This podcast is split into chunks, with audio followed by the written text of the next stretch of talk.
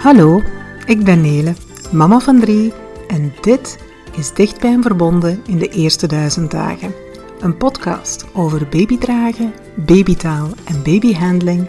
Kortom, alles wat je als mama of papa nodig hebt voor een warme start met je baby.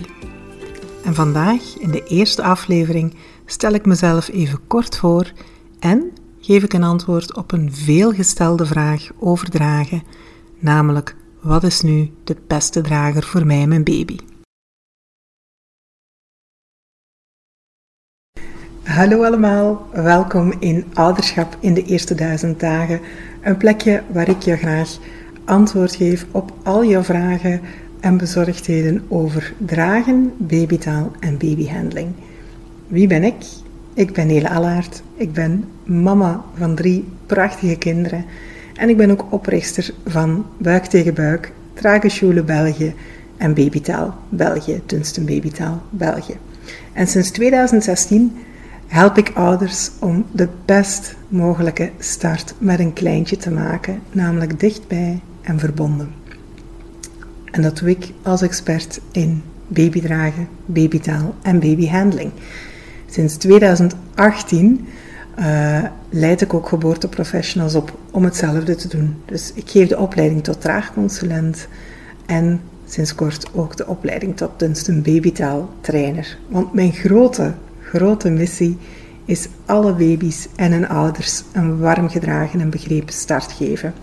En ik geloof dat ouders daar hulp en begeleiding bij verdienen en degelijke info.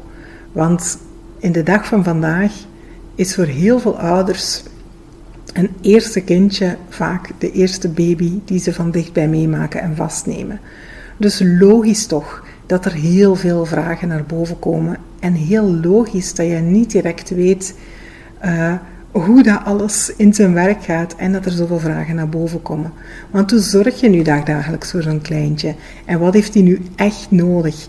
En als die huilt, waarom huilt hij? hoe kan je zien wat er nu precies aan de hand is, zonder dat je de hele checklist af gaat gaan van honger, dorst, pamper, moe, misschien toch wel net een beetje meer uh, spelen nodig. Uh, het is gewoon een hele grote zoektocht voor veel ouders. En er komen veel vragen naar boven, vooral ook over dat dragen. Kunnen we ze niet verwennen? Wat is de beste manier om te dragen?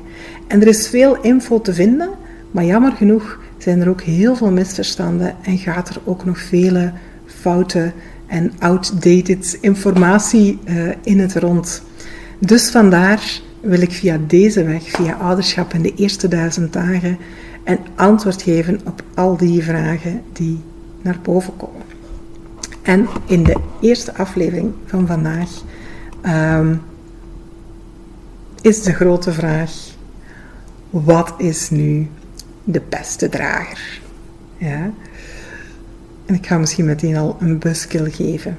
De beste drager, die bestaat niet. Ja. Er is alleen maar een beste persoonlijke keuze voor jou en je baby.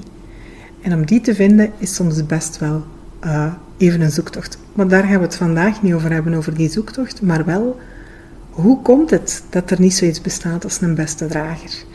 Um, en om een idee te geven, in mijn draagbiep heb ik intussen meer dan 250 verschillende soorten draagsystemen, waaronder meer dan 150 echt voorgevormde draagzakken.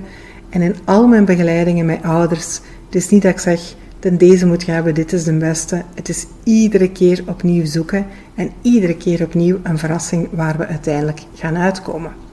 Want er zijn heel veel factoren die een rol spelen. En ik denk eventjes terug aan twee begeleidingen die ik bijna dag op dag een jaar geleden heb gedaan. Twee mama's, Katrien en Anne. En ja, twee dagen na elkaar een begeleiding voor babydragen. Katrien had een zoontje. Hij was op het moment van het consult 20 dagen oud. Hij had ongeveer maatje 50, 56 en hij woog 3 kilo 200. Katrien zelf was ongeveer 1,65 meter groot en heel slank en fijn gebouwd. De volgende dag, Anne, babytje, exact dezelfde dag geboren, exact dezelfde maat van kledij, exact hetzelfde gewicht. En ze zou wel een tweeling geweest kunnen zijn van Katrien, want ze was ook ongeveer een meter 65 en heel slank en fijn gebouwd. Dan denkt u misschien, oh gemakkelijk, we halen gewoon hetzelfde pakket naar boven. Wat bleek?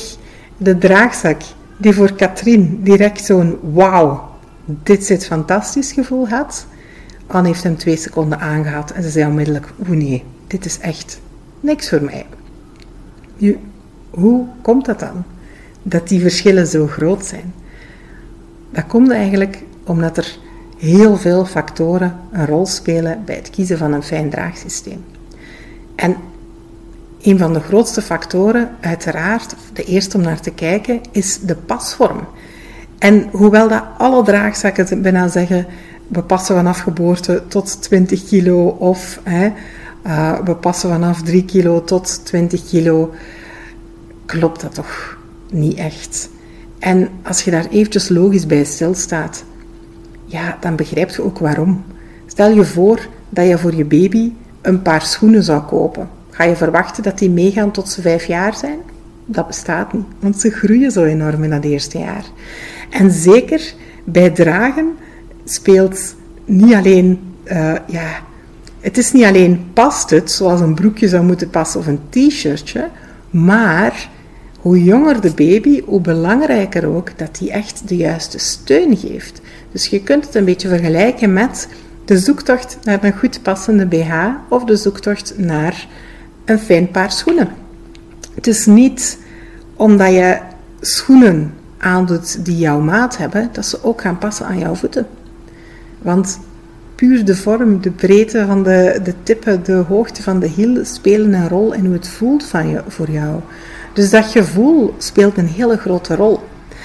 En de extra uitdaging bij het zoeken van een draagzak is dat dat gevoel niet alleen voor jou moet kloppen, maar dat het ook voor jouw baby goed moet voelen.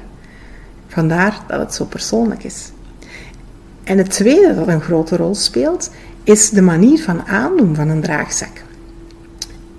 Waarmee kan je dat vergelijken? Stel dat je voor je kleuter van 2, 3 jaar een fantastisch paar schoenen hebt gevonden, maar die heeft super ingewikkelde veters om te knopen. Hm, ga je die schoenen kopen als je weet dat hij dat toch nog niet zelf kan aandoen? Of kijk je naar een paar schoenen met een velcro die die gemakkelijk zelf kan dichtklappen, zodat die in zelfstandigheid kan groeien? Dus ook bij een draagzak. Het kan zijn dat je een draagzak hebt gevonden die als alles perfect zit heel fijn voelt voor jou, maar waarin dat je er zelf niet in slaagt om hem goed aan te doen. En dat heeft een stukje te maken met ook hoe uh, flexibel dat je bent en hoe gemakkelijk dat je achter je rug kan reiken en waar dat precies de gaspen van uh, de draagzak zijn aangesloten. En dan speelt ook een stukje een rol hoe dat jouw persoonlijkheid is. Want uh, sommige ouders hebben niet liever als iets heel simpel, waar dat je maar aan één ding moet trekken zodat alles goed zit. Ja? Maar als het heel simpel is, dan heeft dat ook als gevolg dat je er minder mee kan aanpassen. Dus dan moet het ook echt in die eenvoud net bij jouw lichaam passen. Andere ouders die hebben het liefst iets dat heel veel mogelijkheden heeft en heel ver gaat aanpassen. Maar dat maakt een draagzak natuurlijk veel ingewikkelder om aan te doen en om in te stellen. Dus wat wil jij? Wat zoek jij in een draagzak? En dan komen we dus bij die wensen. Want ook wat je ermee wil doen speelt een rol. Wil je een draagzak die alleen past voor jezelf? Of wil je ook heel frequent gaan uitwisselen met jouw partner? Hoe vaak ga je dragen? Wil jij elke dag vijf keer dragen? Of is het iets voor één keer in de week als je naar de markt gaat? Wil jij boswandelingen gaan doen met je honden en mag er dan misschien liefst niks op de grond slepen? Of is het enkel voor binnenhuis om je kindje te helpen om in slaap te vallen? Al die vragen en nog zoveel meer spelen een rol bij wat is nu die beste draagzak voor jou.